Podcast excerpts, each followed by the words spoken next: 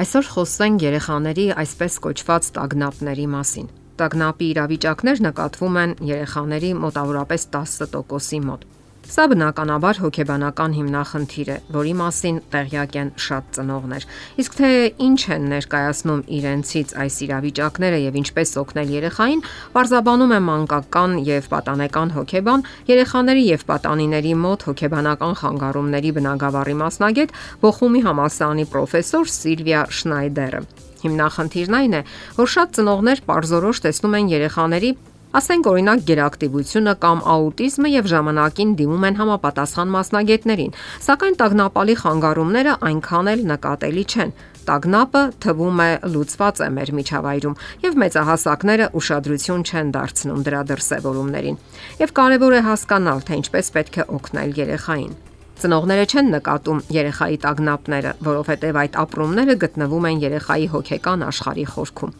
Ահա թե ինչու դրանք դժվար է ճանաչել եւ ախտորոշել։ Դրանք հաճախ աճում են ամենասովորական բնական վախերից։ Այսպիսի օրինակ՝ մայրիկից բաժանվելու, ինչպես նաև անծանոթ մարդկանցից զգուշանալու վախը միանգամայն բնականon է 8-ից 9 ամսականից մինչև 2-ից 3 տարեկան երեխաների մոտ։ Սակայն 3-ից 4 տարեկանին մոտ երեխաների 95%-ը հաղթահարում է այդ տագնապը, եւ նրանք այդ ժամանակ հանգիստ գնում են մանկապարտեզ, շփվում այլ երեխաների հետ եւ առանց հիմնախնդիրների գիշերում տատիկ-պապիկների տանը։ Սակայն եթե երեխան շարունակում է մնալ այդ տագնապների մեջ, դա արդեն կարելի է համարել ախտաբանական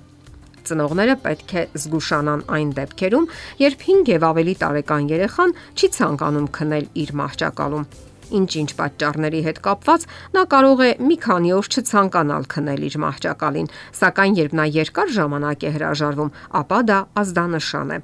կամ երբ 5 տարեկանից բարձր երեխան վախենում է բարձր ձայներից, ապա դա իսկապես ֆոբիա է, եւ այդպիսի դրսևորումները խանգարում են թե երեխային եւ թե ծնողների բնականon կյանքի ընթացքին։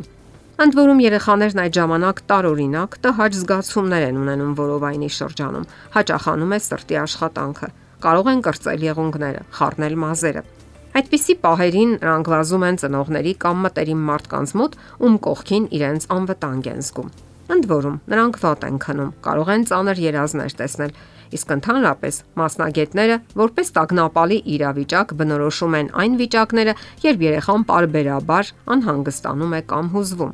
Իսկ բաժանման տագնապների ժամանակ երեխաները վախենում են, որ իրենց մայրիկները կգնան եւ չեն վերադառնա։ Սոցիալական ֆոբիաների ժամանակ Երեխան չի կարողանում բարձրաձայն խոսել անծանոթ մարդկանց ներկայությամբ կամ պատասխանել դասը, երբ ուսուցչուհին հարցնում է։ Նրանք մտածում են, որ հիմա որևէ անմիտ բան կասեն։ Երեխաները կծաղրեն իրենց եւ իրենք այլևս չեն կարող այդտեղ վերադառնալ։ Եվ ցանկացած դրսևորման դեպքում դա խանգարում է երեխաների ներդաշնակ զարգացմանը, որովհետև նրանք զգուշանում են այն վայրերից, որտեղ վախերը կարող են կրկնվել։ Իսկ դա կարող է լինել թե մանկապարտեզը, թե դպրոցը եւ թե այլ միջավայր։ Երեխան չի շփվում իր հասակակիցների հետ եւ ընդհանրապես չի զբաղվում այն բոլոր բաներով, ինչով սովորաբար զբաղվում են հասակակիցները։ Ինչ պետք է իմանան ծնողները։ Ամենից առաջ հարկավոր է այնպես անել, որ իրենք պատճառ չդառնան դրա համար։ Մեկ այլ մասնագետ Բրյուլը գտնում է, որ ծնողները զգալի դեր ունեն այդ գործում։ Եթե նրանք չեն սիրում իրենց աշխատանքը, դժգոհ են նյութական վիճակից կամ կենցաղային պայմաններից,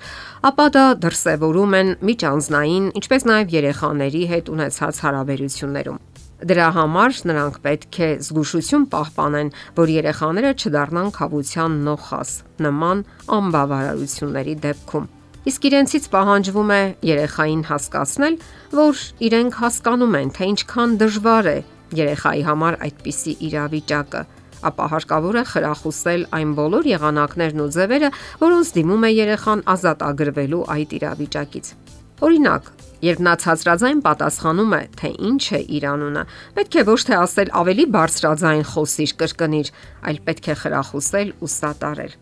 Որոշ ծնողներ պատրաստ են ժամերով քննարկել երեխայի երկչոտ վարքագիծը, փոխանակ մի քանի խոսքով սատարեն համարցակ լինելու նրա բոլոր ջանքերը։ Անհրաժեշտ է ավելի շատ ժամանակ հատկացնել երեխայի հետ համբերատար եւ հանգիստ զրուցել եւ parzabanել իրավիճակները, տալով անհրաժեշտ parzabanումները նրա տարիքին համապատասխան եղանակներով եւ ձևերով։ Պատահում են դեպքեր, երբ երեխան, ասենք, վախենում է փուչիկից, որովհետև այն կարող է պայթել։ Դա կարող է վերածվել վախի բարձր աղմուկների պատճառով, ասենք տոնական հրավառություն։ Եթե այն ժամանակին չկարգավորվի, նույնիսկ հասուն տարիքում երեխան կարող է լարվել ու անհանգստանալ։ Կարելի է մի փոքր փուչիկ փչել, պայթեցնել այնպես, որ նա չվախենա ձայնից, եւ այդպես քիչ-քիչ աստիճանաբար այնքան ժամանակ, մինչև նա այլևս չվախենա ձայներից։ Քայլ առ քայլ, ահա թե ինչպիսին պետք է լինի սկզբունքը՝ աստիճանականություն չխրախուսել նրանց խուսափողական վարքագիծը եւ ցույց տալ հասկանալ, որ նրանք ուժեղ են եւ կարող են հաղթահարել հիմնախնդիրները, որ իրենք ծնողները հավատում են երեխային եւ աստիճանական այդ քայլերը կարող են կարգավորել երեխայի հոգեկան աշխարհը։ Իսկ դա միանգամայն հնարավոր է եւ պարզապես անհրաժեշտ։ Եթերում է ընտանիք հաղորդաշարը։ Ձեզ հետ է Գեղեցիկ Մարտիրոսյանը։